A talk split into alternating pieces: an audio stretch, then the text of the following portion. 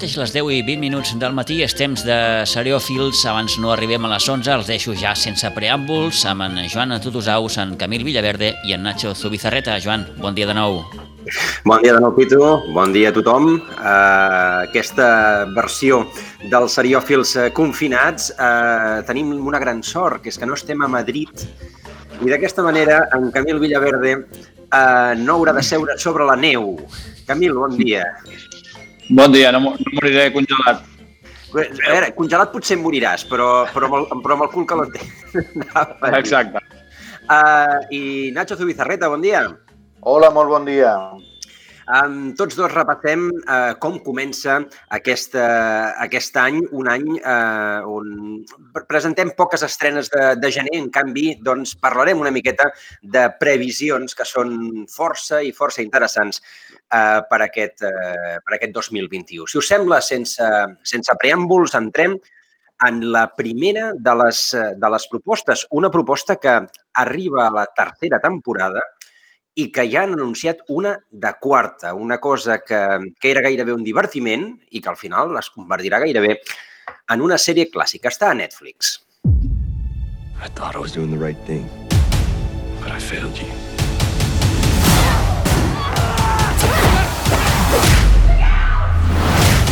The truth is, you got soft, and we paid the price.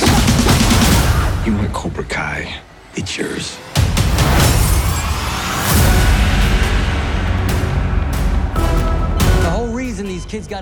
I és que Cobra Kai ens arriba a la seva tercera temporada. Es va estrenar, o es va penjar ja a Netflix, el dia 1 d'aquest mes, nois? Doncs ah, exactament. Sí, eh... doncs... Perdona, digues, Nacho. Digues, Canelo, eh... digues. No, que a tu t'agrada més. Comenta, comenta més la sèrie. Soc fan. Uh, és el que, deia una, el que deies una mica, que el que va començar com un experimento, com una manera de portar gent a YouTube Red, perquè recordem que això es va estrenar a, a YouTube, a la plataforma de pagament de YouTube, i va passar una mica sense pena ni glòria, doncs des de que va passar Netflix amb aquesta tercera temporada, primer van pajar les dues i ara s'estén la tercera, doncs la sèrie ha, ha explotat, no? Per qui no ho sàpiga, és aquest spin-off de, de Karate Kid que ens presenta els, els protagonistes, vaja, el protagonista i l'antagonista com 20 o 30 anys després de la, de la pel·lícula i com, com els successos de la pel·lícula han canviat les seves vides actualment. De fet, és una de les sèries en aquest moment, potser amb els Bridgerton, més comentades a les xarxes socials. Eh, això augura que, bueno, és veritat que Netflix ja va anunciar una tercera temporada que ens acaba d'arribar i una quarta, ja ho va anunciar a la mateixa vegada, és possible que li dongui continuïtat perquè bueno, els està funcionant molt, molt i molt bé. De fet, la fórmula sí, és, és sí. bastant entretinguda, vull dir, és la lluita entre dues persones que, a més a més, van canviar una mica els papers respecte a la pel·lícula i, bueno, com ara en l'etapa adulta i madura, doncs, bueno, tornen a enfrontar-se. Té, té molta gràcia, potser també per la falta de, aspiracions ma sí. massa complicades. No? Jo penso que aquest és l'encert de la sèrie. Estic d'acord, no, no es pren massa seriosament, però entreté. I a part doncs, té aquests, aquests guinyos a la nostàlgia, no? els fans de la pel·lícula, i en aquesta tercera temporada doncs, continuen, apareixen, no direm noms, però apareixen personatges de, de la pel·lícula i, i la seva relació, la relació de Daniel LaRusso i de Tony Lawrence, no? eh, aquesta tercera temporada canvia una mica. Ja es fan com aquestes pel·lícules que diuen buddy movies, no? d'amics, eh, bueno, de col·legues, però que no es porten bé, però que s'han de dur bé i tot això, doncs crec que entra una mica en, esta, en, aquesta, en aquesta fase. Doncs aquesta tercera eh, temporada de eh, Cobra Kai que mm, entra, ja han, eh, ja han anunciat una quarta, és a dir, que la cosa eh, aniran, aniran esprement-la. Sí, sí. I, tant. I és possible que, és possible que, degut a l'èxit que està tenint, continuï. I tant. Interessant. Doncs aquesta és la primera, la proposta que, a més a més, el dia de Cap d'Any ja ens penjava a eh, Netflix, com dèiem, una cosa que havia, que havia començat gairebé com un, com un divertiment a YouTube, doncs que al final s'ha convertit en una, en una de les sèries amb molts seguidors eh, a Netflix. I de Netflix ens movem a HBO. Now rise up! To it again. It is your first day back at work, so come on, girl, get up. It's so nice to have you back. Oh, Okay, let's everybody just calm down. I hear people's inner thoughts. They sing them to me. We don't want to be in competition. Don't. Look so fine that I really want to make you mine. Your problems. Which boy should I choose, the handsome one or the more handsome one? Which one is the more handsome one? Doncs eh, és el que a, a mi com a mínim m'ha atabalat una miqueta eh, només veure el, el tràiler. És l'extraordinària playlist de Zui que arriba a la segona temporada HBO. A veure, jo penso que Parlàvem aquestes- abans... Ja, Nacho, comença tu ara. És d'aquelles sèries que hi ha mm, una legió de fans molt fidels i que els agrada molt per la proposta, que seria la proposta seria un musical com els d'abans, o sigui, la gent està fent la seva vida i de cop i volta es posen a cantar sense, sense que hi hagi alguna explicació al voltant. Eh, I hi ha un altre tipus de gent que per aquest mateix eh, eh, proposta doncs no, no, no pot amb ella. Llavors és una sèrie que té polaritzades a la seva, a la seva audiència, els que la amen i els que l'odien. Eh, abans parlàvem de Cobra Kai, no? que és una sèrie que hem parlat que, sense gaires pretensions i aquest, jo crec que aquesta segueix una mica la- l'estela. És, un, és una sèrie divertida, que no té més. Eh, que aquí l'estén HBO, però als Estats Units és una sèrie que es dona a la NBC, o sigui que és un canal en obert, i que la premissa, doncs, si t'agrada el musical, és divertida. No? Una noia que arran d'una operació d'un tac que li fan al cervell mentre hi ha un terratrèmol, perquè això passa a San Francisco, doncs resulta que pots sentir el que pensen i el que desitgen les persones que, que es creuen. Però no ho sent d'una manera normal, sinó que ho sent a través de cançons pop, que aquí és on et colen doncs, tots els temazos que, que vulguis. I bàsicament és una, una, història doncs, això, de la feina d'aquesta noia, dels amors d'aquesta noia i sí, la gràcia de, seva saber què pensen. I, exacte. i els veïns, El pare. i el jefe, i el no sé què, i la família, i va sentint el que, el que van tenint el que senten a, a mirar les cançons. S'ha d'agrair que les cançons mi- són conegudes, que això també la fa més Sí. propera. I Sí, a mi, a mi em va agradar, eh, Nacho, la primera temporada. Jo sóc d'aquests que no, no, no diré que l'adoro, la, però em va, em va divertir. A mi, a mi em va costar una mica, ho reconec. ho reconec. Eh, de fet, quan he sentit gent que és molt... Ostres, que bé, ja ve la segona temporada, jo deia, vale, muy bien. Per què?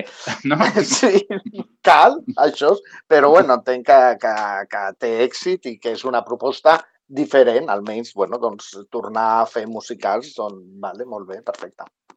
Doncs aquesta és l'altra l'altra proposta, una proposta com a mínim peculiar, que és l'extraordinària playlist de Jui que la van eh, penjar, o la van començar a penjar HBO Dia de Reis. el dia de, de Reis. I la tercera de les propostes, tornem a, a Netflix i és probablement una de les propostes eh, doncs, amb el que els agradi allò el misteri i, i, les, i les coses de, de policies i ladrones doncs probablement de més empaque de les que presentarem avui. Trabajo de limpiador en el Louvre. Las obras de arte que limpio valen millones. Una fundación realizará la subasta de un collar que perteneció a María Antonieta. Nosotros lo robaremos. Entraréis como limpiadores y saldréis millonarios. ¿Preguntas? Sí. Mientras nosotros nos arriesgamos, ¿tú qué harás? ¿Yo? Yo compraré el collar.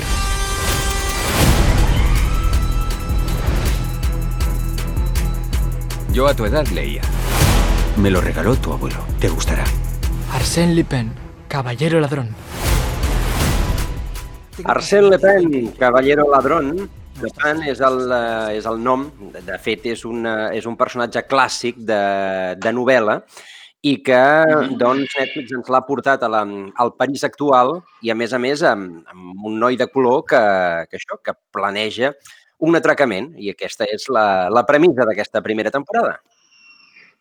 Exactament. És, és una de les sèries que ara, de les quals també s'estan parlant bastant a Netflix. El problema que té Netflix, ja l'hem comentat mil vegades, és que, clar, les penges senceres i aquest, aquest hype o aquesta onada dura molt poc, dura una setmana, dues setmanes, però és, mm, està tenint com bona crítica per, eh, doncs, per aquesta revisitació d'aquest personatge no? de les novel·les del Maurice Leblanc, aquest lladre de, de Guante Blanco, i com la porten al, al París actual amb un personatge que, a més, a més de ser senegalès, és, o sigui, és un, un immigrant a la França actual, eh, sense diners i tal, i que doncs, a través dels robatoris eh, doncs, eh, doncs, bueno, es va, diguéssim, tira endavant la, la seva vida. A la vegada doncs, intenta averiguar què va passar amb el seu pare, que va ser acusat injustament. bueno, hi ha una, tota una trama... Una trama sí, hi ha una trama no, personal no és que també mm, involucra aquest personatge. No, doncs, no és una adaptació, vull dir, no, no és Arsène Lupin ell, sinó que d'alguna manera, o sigui, fan com un joc meta, metaliterari, no? en el que ell no és Arsène Lupin, sinó que ell es diu Sant Diop, però té alguna cosa a veure amb el mític Arsène Lupin, que això bueno, es, va, es, es va destripant al llarg de la, de la temporada. Està protagonitzada per aquest actor que es diu Omar Sy, no sé si és Sy o Sai o no sé francament com es pronuncia, que és, és un actor... El d'Intocable, no?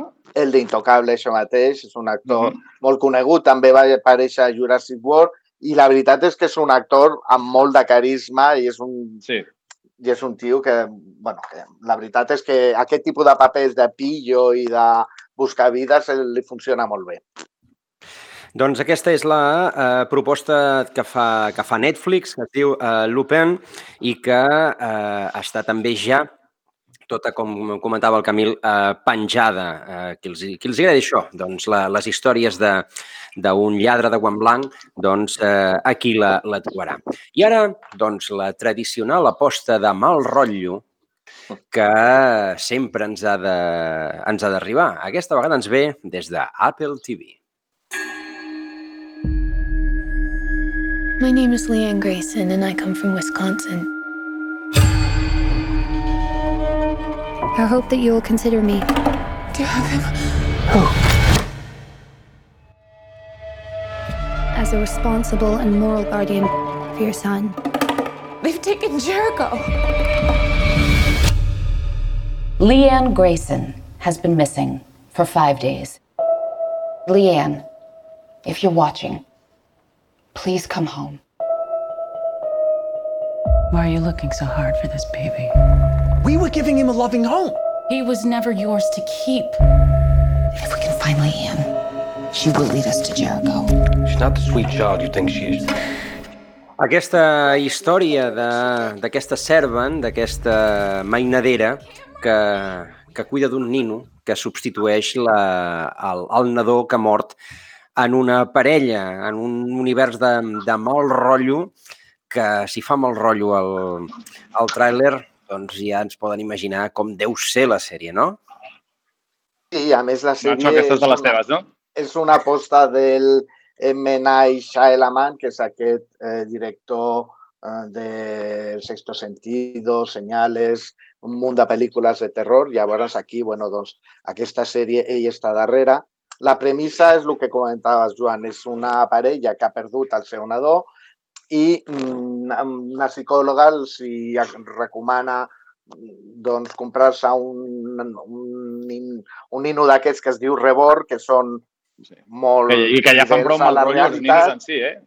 Sí, i, i el nino ja fa mal rotllo en general. Llavors elles, sí. la mare s'hi fica tant en la història que contracta una mainadera per cuidar-li al nino. O sigui, una cosa psicològica bastant, bastant, bastant anada bueno. d'olla. Llavors sembla ser que en aquesta temporada, bueno, la mainadera és una noia que en un principi, el típic, sembla que és una molt bona noia i tal, però de mica en mica va mostrant la seva part fosca. Aquesta segona temporada, doncs, enfosquirà més. I, i el, nen, el nen a la primera temporada ja, diguéssim, uh, torna a la vida, diguéssim. El, el sí, Jericho el nen, aquest, el fill, és, i en aquesta Clar, és que, a veure, és difícil, és difícil d'aguantar una situació en la sí. que una mainadera està cuidant un ninot. Llavors, un nino. Un nino. I, i, i, bueno, doncs ho van anar solucionant.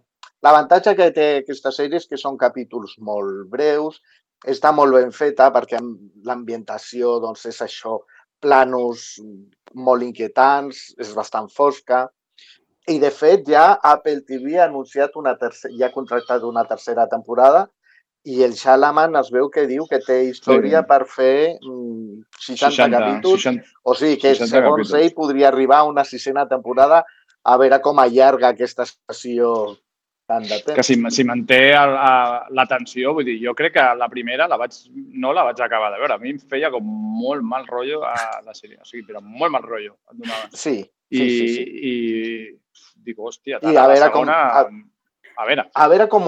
A veure, és una curiositat, a veure com, a, com estructuren la història, com la llarguen, perquè, a veure, o passen coses noves o... O bueno... Sí, s'introdueixen personatges nous que comencen a, a, a, a des, que es comença a esbrinar una mica què hi ha darrere aquesta mainadera. Sí, que hi ha darrere del passat d'aquesta noia. Es comença a destripar tot una mica, però és molt a la gent que li agradi, vaja, passar-ho patir una mica i de, amb aquest mal rotllo, Sí, aquesta és- intriga, aquesta és molt bona opció. Aquesta és la seva sèrie. A més, és fàcil de veure per lo que dèiem, és una sèrie de capítols de 30-40 minuts que no se'n fan llargs i, i bueno, doncs et manté una mica en el ai, ai, ai, ai, ai. Doncs eh, aquesta eh, Servant, que en principi eh, estarà disponible a Apple TV demà passat. El, Sí, a partir del 15. El 15, aquest divendres.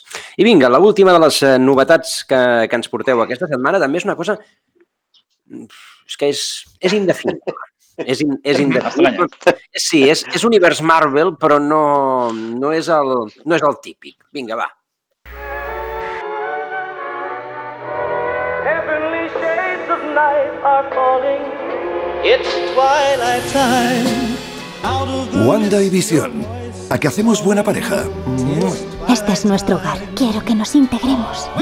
¡Oh! ¡Esto va a ser la monda! ¿De dónde venís? ¿Cuánto tiempo lleváis casados? ¿Y por qué no tenéis hijos aún? Nuestra historia. Creo que lo que mi mujer quiere decir es que venimos de... ¿De dónde? ¿Cuándo os casasteis? ¡Narices! ¿Por qué? Oh, Arthur, para. Para. Para. Para.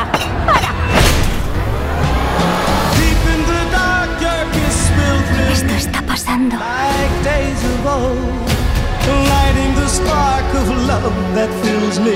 Bruja Escarlata i Vision, eh, que Mhm. són dos personatges i, i bé, és que, és que és, no sé, és indefinible això, no, no, no m'atreveixo a, a mullar-me ben vist només el tràiler.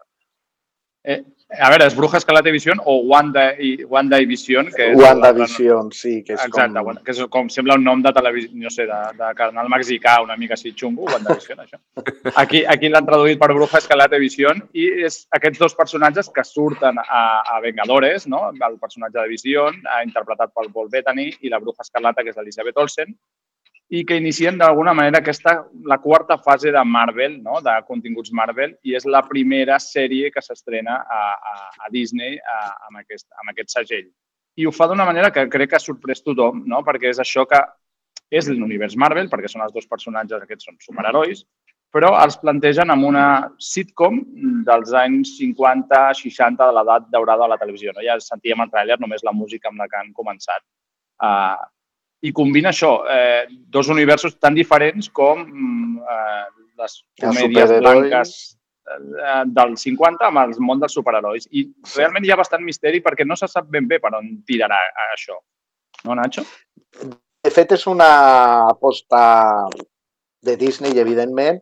Eh, és la segona sèrie que Disney, eh, segona sèrie amb un pressupost ja holgat i, i amb una aposta interessant que penja a la seva plataforma. Disney Plus fins ara solament podien remarcar Mandalorian, sí que és veritat que havia estrenat alguna altra cosa i que té un catàleg darrere impressionant, però bueno, com novetats solament tenia el Mandalorian i ara comença a explotar l'univers Marvel amb aquesta sèrie. Jo no sóc gaire de superherois, mm, sí que em fa gràcia mm, la banda aquesta de sitcom dels anys 50, eh, veurem com, com se surt. És veritat que han mantingut un misteri sobre tot aquest, actor- sobre tot aquest projecte, però bueno, d'aquí no Mm. res el podrem, el podrem gaudir sí, sí. i esbrinar què és el que passa. Què és el que passa? Està rebent, eh, hi ha gent que ja ha vist els tres primers capítols eh, i està rebent com molt bones crítiques de, de la crítica i sobretot els fans, que amb aquest, mm, saps, amb aquest fandom que té a vegades Marvel, que costa poc rajar, doncs realment està rebent molt bones crítiques i, i, i això, els dos personatges són com dos personatges molt atractius, els actors doncs estan, també són dos actors, pocs grans sí, són molt actors, potents. i, i comptant que aquests dos personatges de l'univers Marvel doncs, tenen aquesta capacitat de crear mons o, i fer que la gent imagini mons, vull dir, entenc que anirà una mica per aquí, perquè a més qui ha vist les pel·lis sap que bueno, han succeït coses que fan com difícil explicar-se aquesta sèrie. Però, bueno, amb moltes ganes. La veritat és que és una, aquesta aposta de Disney per donar múscul una mica a la seva plataforma, després en parlarem més, però és Sí, una avui ofensiva, diguéssim, largo i tendido per anar, de Disney. Exacte, per donar molta força a la, a la plataforma que fins ara, mm, vaja, era bàsicament Mandalorian, eh, Pixar... I viure de algun- rendes, i, i viure del que i viure de rendes de pel·lis de, de Disney. Llavors jo crec que ara aquest any serà l'any on Disney Plus o Plus, no sé com li diem ja, eh, doncs anirà per totes. Un spoiler interessant, pujarà el preu. Ah, sí. sí. raro. Després ho parlem, però sí. Que, que Eh, estrany. Vull dir, per avançar-ho, per si no arribem, per si no arribem, que quedi clar. Exacte. Eh? Qui pagava 6,99, Exacte. pues s'ha acabat, això. Uh, doncs fins aquí amb, Bru, amb One Day Vision, uh, anava a dir Bruja Escarlata, que també, uh, de, de Disney Plus uh, és la última de les estrenes suggerides de la setmana. I en l'apartat de les notícies ens porteu un retorn... Bé, deixem la sintonia, que la majoria de l'audiència ho sabrà.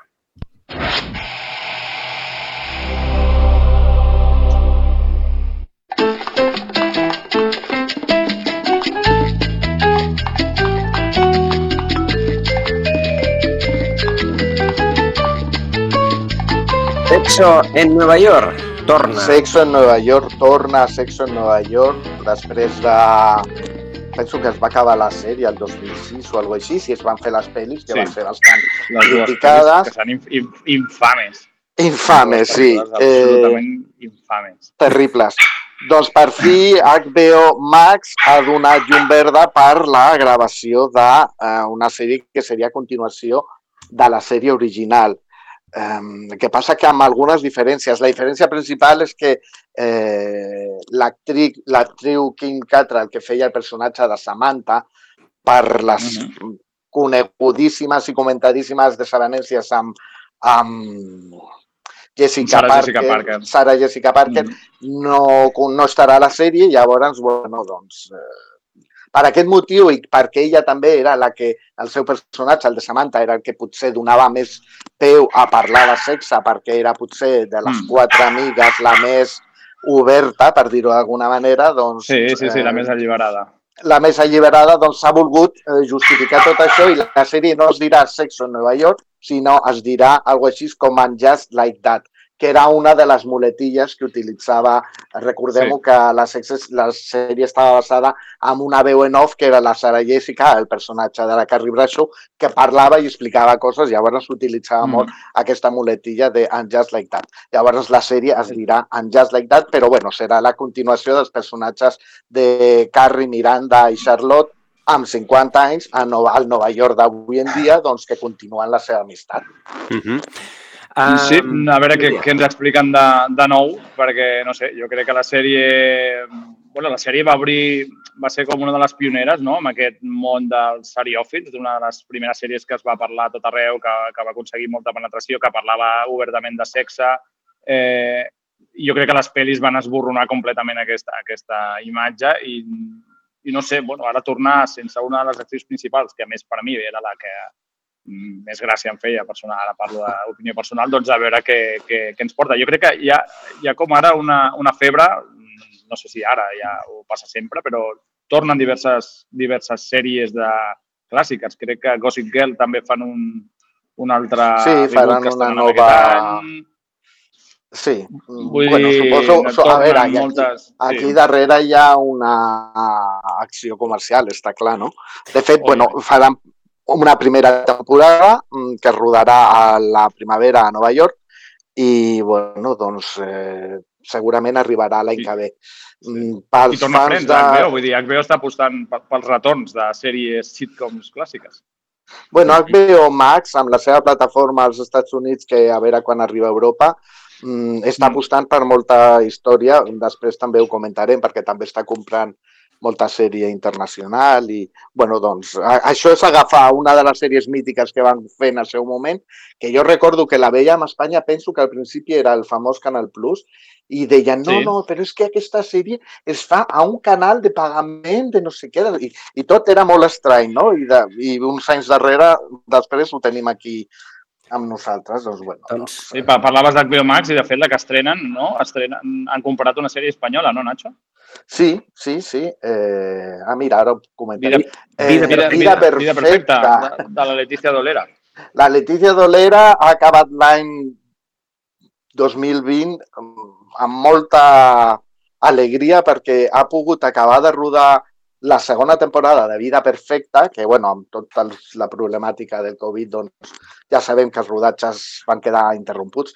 Eh, Per fi l'han acabat de rodar, estan fent la postproducció, segurament arribarà la segona temporada a la tardor, però és que, a més a més, HBO Max ha comprat la sèrie per emetre-la a, a la seva plataforma als Estats Units.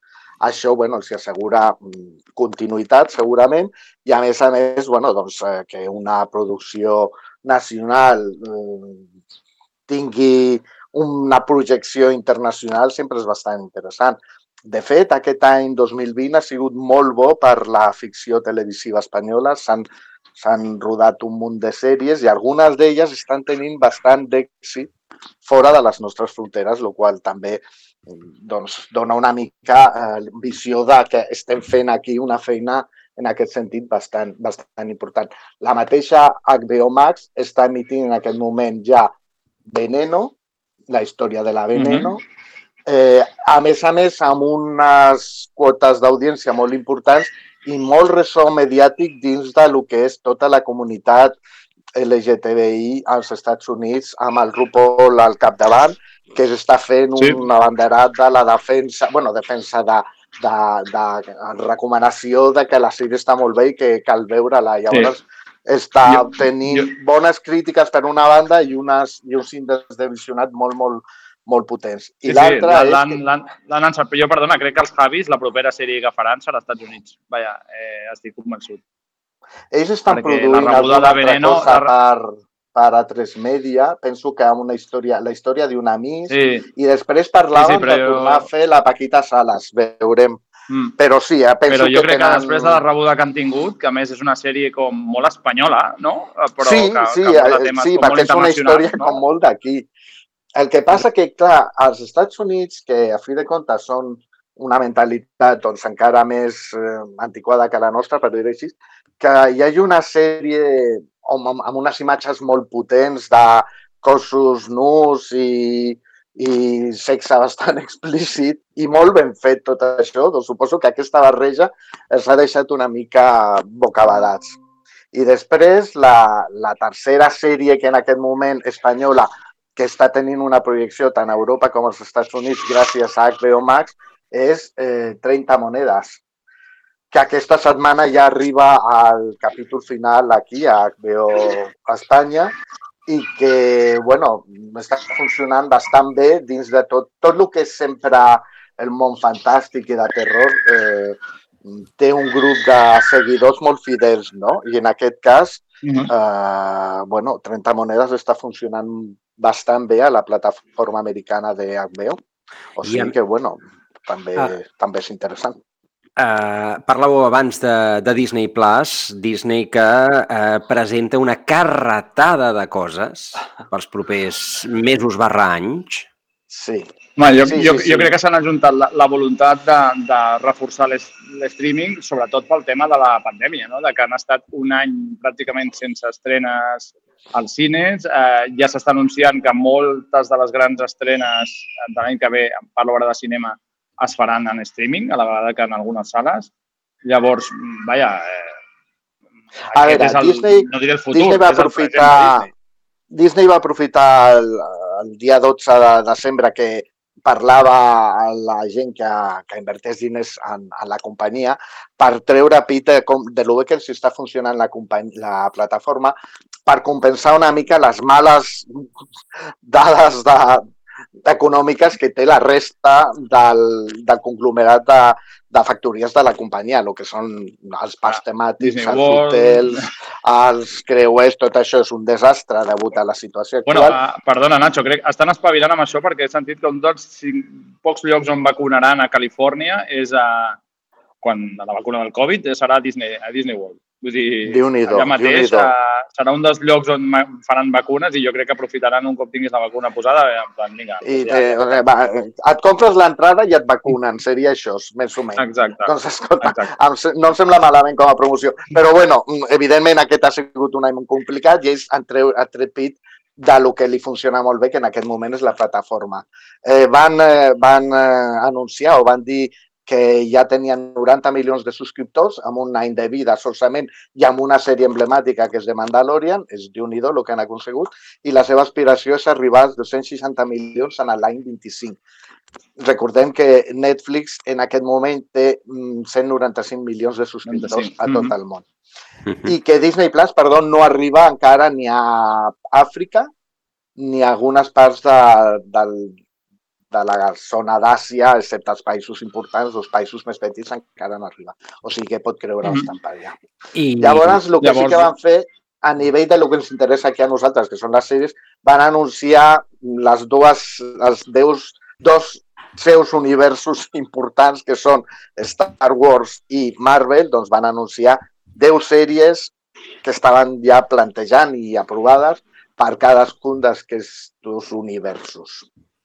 Déu sí. nhi Ho he explicat molt malament, espero que s'hagi entès. Sí, sí, però bé, uh, Obi-Wan... Uh, Sí, a Star Wars, a banda de Mandalorian, tenim l'Obi-Wan, amb a les estrelles Hayden Christensen i Ewan McGregor, Capitana Siandor, eh, amb Diego Luna, Ashoka, Ashoka Kano, amb Ahsoka la Tano, Dawson, sí, que a que ja sortia en aquesta temporada de Mandalorian i ja venia de la sèrie de dibuixos que havia fet el propi Lucas, Mhm. i Rangers of the New Republic, que ja aquesta ja estava en marxa, ja l'havien anunciat ja fa bastant de temps.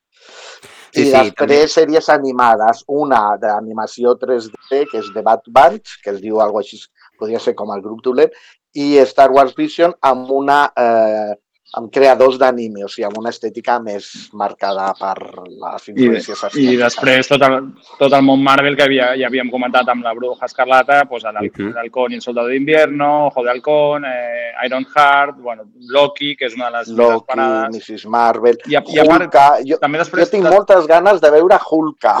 M'ha cridat molt l'atenció, lo de Hulka. Però bueno, Hulka, sí.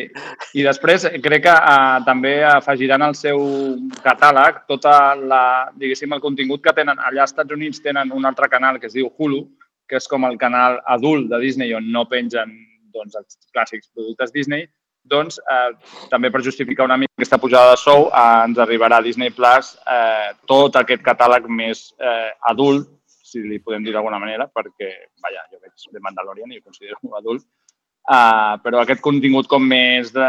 no per tots Sí, els que no és tan- no és tan familiar. D'alguna manera justifiquen aquesta pujada d'uns dos euros que, que pujaran. de fet, eh, Disney, a partir del febrer, penso que és, eh, ja aprofitem ja i ho comentem, mm, inclourà dins del seu paraigua, dins del, de la seu conglomerat de subcanals temàtics, un que es diu Star, que incluirà tot el que estàs dient ara. Sí, és el que lo, sí, és, el, és Hulu, aquí li diran Disney Star, sí. Sí, doncs són sèries que ara moltes d'elles s'estan emitint a altres plataformes i que a mesura que vagin acabant els seus contractes passaran aquí a Disney, a Disney Plus. De moment ja s'estrenen amb algunes sèries que ja han acabat, que és Love Victor, que és la versió sèrie de la pel·lícula Love Simon, entre adolescents i una temàtica LGTBI, Big Sky, que amb el David E. Kelly, que ha tornat a posar-se de moda després d'un Doing i el i les noies aquestes de la sèrie de la... No. De la... Sí? De la, vols dir de la Nicole Kidman? Ah, això mateix, de la Nicole Kidman, que no me'n sortia. Little Big, Little, Little Big Big Lies, això mateix, s'ha tornat posat de moda i estrena aquesta sèrie i, i hi ha moltes altres. A més a més, Star arriba amb el catàleg de ABC Studios, de pel·lícules de l'ABC, de les sèries de l'ABC, les procedimentals que ja vam comentar en algun moment, i de la 20th Century Fox, amb la qual inclourà Perdidos, Mujeres Desesperadas, Prison Break, 24, Padre de Familia, Expediente X, Hijos de la Anarquía, Escàndal, Anatomia de Grey, les 17 temporades d'Anatomia de Grey, i, bueno, doncs, eh, tot això estarà dins d'aquesta submarca de Disney que és YouStar i aprofitaran també perquè la, la Mhm. quota mensual passi de ser de 6 amb 99 euros a 8 amb 99 euros al mes. Pugen dos mesos. Els que, tinguin, Sí. els que tinguin contractada ja la plataforma eh, s'estalvien sis mesos d'aquesta pujada. O sigui, els hi regalen, per dir-ho així, durant sis mesos Sis la- el mesos. canal aquest Stars. Mhm. Els que s'apuntin a partir del febrer ja pagaran la quota sencera. La quota sencera. Doncs eh, ens queden 5 minuts. No podrem repassar totes les propostes de sèries esperades de l'any, però n'hi ha, ha una pila. The Watch, Inventing Anna, El demonio de la ciudad blanca, Masters of the Air, Physical, Feria, Gremlins, El secreto de Mohai, eh, Clarice, Resident Evil, basat en, la, eh, en els videojocs American Crime Story Impeachment, i això en sona d'alguna cosa, oi? aquesta, aquesta l'ha- l'han adaptat bé, o sigui, han estat ràpids aquí, eh? I les dues grans apostes d'Amazon Prime i de Apple, eh, El Señor de los Anillos a Prime i Fundación, el, el, la gran sèrie de llibres d'Isaac Asimov a Apple. Són algunes de les eh, propostes per, eh, per aquest 2021, on també tornarà, ens han dit, Dexter. Doncs sí, eh, Dexter, Uf. en aquesta febre de retornar a agafar sèries mítiques, doncs eh, Showtime ha, ha donat llum verda a la nova gravació de la temporada de Dexter, que continuarà on es va quedar aquella temporada final molt criticada per, La indignant darrera temporada de, de Dexter. Sí, a veure, tenim el Dexter. Dexter estava a Miami, però s'escapa perquè ja es veu molt pressionat per la, per la policia on ell, on ell treballa, doncs s'escapa al, al camp i estava ja perdut, doncs bueno, la sèrie l'ubica allà, està perdut al camp i comença a moure's per allà eh, d'una manera bueno, inquietant com, com era la sèrie original. Jo crec que volen, volen arreglar una mica això, no? El, eh, el, el, la que va ser la darrera temporada que bueno, tots els fans van acabar, entre els que em compto, van acabar indignadíssims. Jo crec que és una sí. d'aquestes sèries amb una gran premissa que estava molt bé, eh, per qui no ho sàpiga, doncs és un, és un forense que treballa per la policia de Miami, però que eh, durant les nits és un, es dedica a... Sí, és, un, és un assassí en sèrie que Exacte, en el seu moment el, a- el seu pare, quan es nota que el seu fill té aquesta tendència, sèrie, sí. doncs, doncs li diu, vale, d'acord, si no pots controlar el teu impuls, doncs almenys carrega't a la gent que mereix els dolents. no, no està en aquest món. dolents. Llavors, ella aprofita que està la policia i aquests eh, delinqüents eh, amb delitos de sang que salven per falles legals o el que sigui, o argúcies dels advocats, doncs ell els ajusticia i llavors Sí, i tot, doncs, treu a una mala aquest- persona tot- de la societat sí. i dona sortida al seu, al seu instint assassí. No? Llavors, bueno, durant a mi tot, aquest, tot, i, tot i ser aquest, aquest, aquest personatge i aquesta premissa tan feixis, feixistoide, no? de dir em carrego els dolents eh, perquè em prenc la justícia per la meva mà, eh, a mi em va atrapar molt i crec que haurien d'haver acabat a la quarta temporada. Ja, jo crec que les quatre primeres temporades són rodones, però a partir, clar, la cosa es complica, clar, no, no pots mantenir sempre això. Llavors, quan ho van començar a estirar, jo crec que la van, la van, la van espifiar Bueno, i no doncs- sé ara què ens explicaran amb una nova temporada. Vaja. No ens, no, ens, no ens queda temps per, per comentar gaires coses més. Llàstima, perquè ens ha quedat sobre el tinter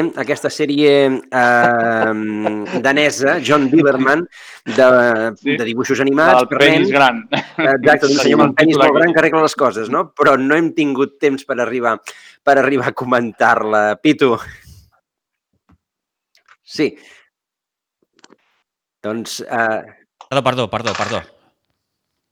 Perdonat. És que estava pendent de- d'una cosa que em deia el Jordi. Ho deixem aquí. Moltes gràcies, senyors. Moltes gràcies, Pitu. Gràcies, Joan, gràcies a vosaltres. Gràcies, fins la propera ocasió en, en, Adéu. els, en els Seriòfils. Uh, ho deixem aquí, estava jo badant ara aquí, mm, entre la, pendent de la pantalla i el... En fi, disculpin. Les 11, uh, aquesta tarda, ple, a partir de les 4, el podran seguir en directe a través de la sintonia de Ràdio Maricel. Demà en farem el resum i el podran escoltar de nou. Que vagi molt bé, adéu-siau.